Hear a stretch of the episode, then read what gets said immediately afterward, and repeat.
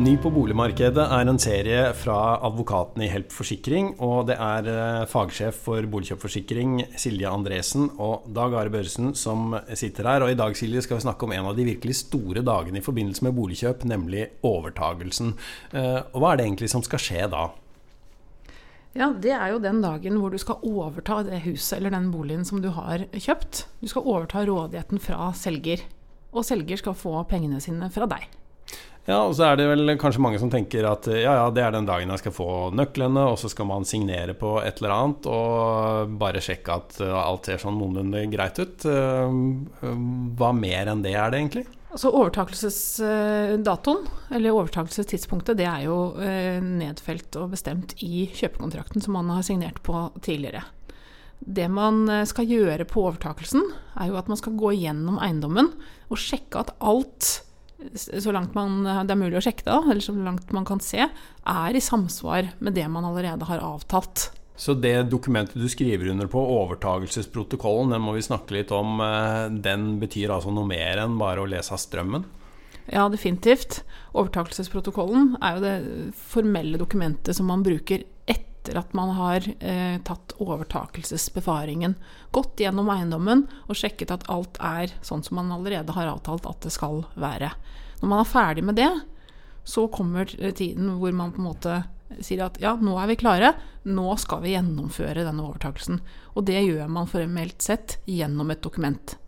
Det dokumentet kan være enten på papir, et, eh, et eh, ark som det står overtakelsesprotokoll, typisk, eller det kan være på en, et elektronisk dokument som man enten har fått tilsendt på en link, eller hvor megler eller en representant kommer med en sånn iPad, som man ser dette arket på en eh, skjerm. Vi vet jo at det av og til oppstår uenighet og konflikter allerede på overtagelsen.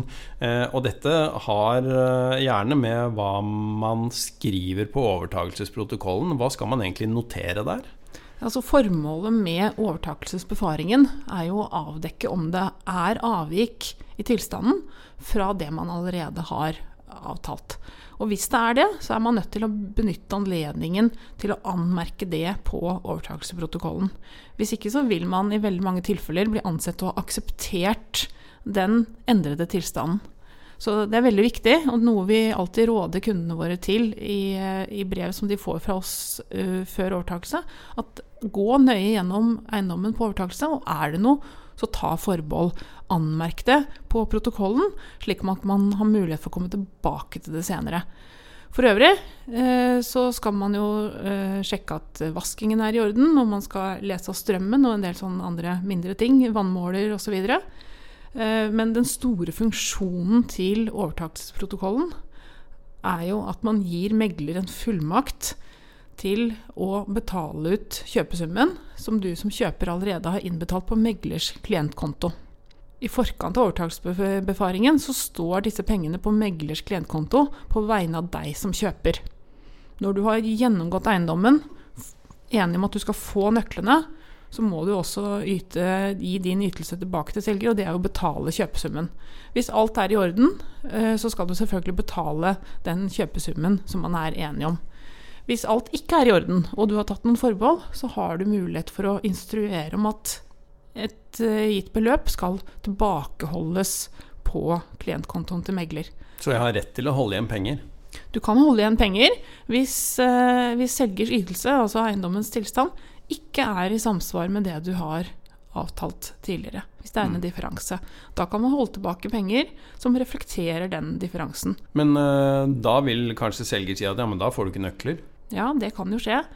Og det gjelder jo begge veier. At man må på en måte eh, eh, Tilbakeholdet må stå i forhold til, eh, til eh, kontraktsavviket. Så hvis selger nekter å overlevere eh, nøklene som følge av at du ønsker å holde tilbake 10 000 kroner, så er sjansen for at eh, selger er i mislighold, veldig, veldig stor. Mm. Men uh, her er det noen kjøreregler som vi kanskje kan ta veldig kort. Uh, kjøper har altså rett til å holde tilbake penger, men han uh, må holde tilbake et rimelig beløp i forhold til hva han mener er et avvik fra den avtalen de inngikk mm -hmm. da selger aksepterte kjøpers bud. Ja. Um, og så um, må man skrive noe om dette i overtakelsesprotokollen. da. Uh, ja, man, man, må jo gi en forklaring på hvorfor man i tilfelle holdt tilbake pengene. Men det man uansett kan gjøre, er jo å ta forbehold, og man må ikke holde tilbake penger. Det er for å, for å skaffe seg sikkerhet. Man får ikke noe uh, større krav eller noe bedre rett fordi man holder tilbake penger. Men mm. det er en mulighet man har for å, for å, skaffe seg sikkerhet, og en rettighet man har. Og hvis mm. man holder tilbake for mye, eller holder tilbake for noe som ikke er et avvik, eller en mangel, Eh, så vil jo kjøper bli ansvarlig for forsinkelsesrente. Så man skal eh, være, være gjennomtenkt og være forsiktig i forhold til hva man gjør. Mm. Men um, la oss uh, ta et konkret eksempel, for det er nok ikke så lett det her med forbehold og sånn for, for, folk flest. La oss si da på overtagelsen hvor jo huset er uh, tomt for møbler, så det er faktisk enklere i mange tilfeller å oppdage ting enn det var på visning. Så la oss si at man da går inn på uh, soverommet som ligger ved siden av badet, og der ser man at det er noen mørke skjolder på veggene f.eks. som man ikke har oppdaget før. Kanskje det sto et skap i veien eller noe sånt. Um, og så er man bekymret for hva dette kan være. Uh, hvordan skal jeg da formulere meg i overtakelsesprotokollen? I selve protokollen så, så, holder det for så vidt at du anmerker det du kan se. Eh, fordi det vil jo stort sett være upraktisk der og da at man går i gang med destruktive undersøkelser. Man har gjerne eh, verken anledning eller eh, utstyr til å gjøre det.